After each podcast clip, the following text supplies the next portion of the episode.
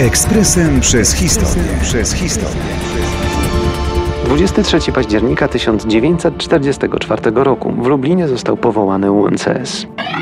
UMCS to obok Kulu największa i najstarsza uczelnia Lublina. Powołana do życia w październiku 1944 roku była pierwszą uczelnią publiczną w kraju. Dała początek Akademii Medycznej, a także Akademii Rolniczej. Jej patronem jest dwukrotna noblistka Maria Curie-Skłodowska, której pomnik stoi na placu przed uczelnią. Po wyzwoleniu Lublina w lipcu 1944 roku miasto przez sześć miesięcy pełniło rolę stolicy Polski. Stało się siedzibą pierwszych uczelni i instytucji kultury. W sierpniu reaktywowano KUL.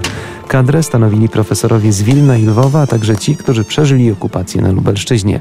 Część z nich, specjaliści nauk przyrodniczych i medycznych, już we wrześniu rozpoczęła w gimnazjum Hetmana Zamońskiego cieszące się popularnością wykłady. W ich gronie narodziła się koncepcja nowej, państwowej uczelni. Inicjatorem i organizatorem był zoolog profesor Henryk Rabe, warszawski nauczyciel przybyły do Lublina z Lwowa. 23 października 1944 roku stacjonujący w Lublinie PKWN powołał dekretem UNCS, państwową i świecką szkołę wyższą. Pierwszym rektorem nowej uczelni został organizator profesor Henryk Rabe.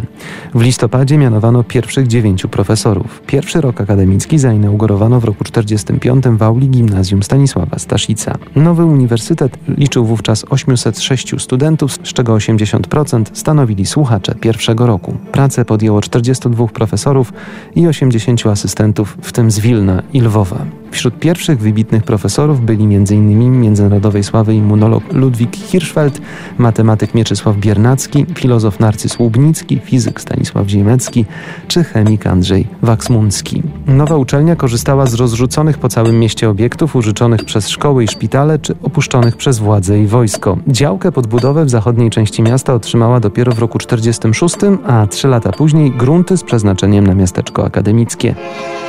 Ekspresem przez historię. Przez historię.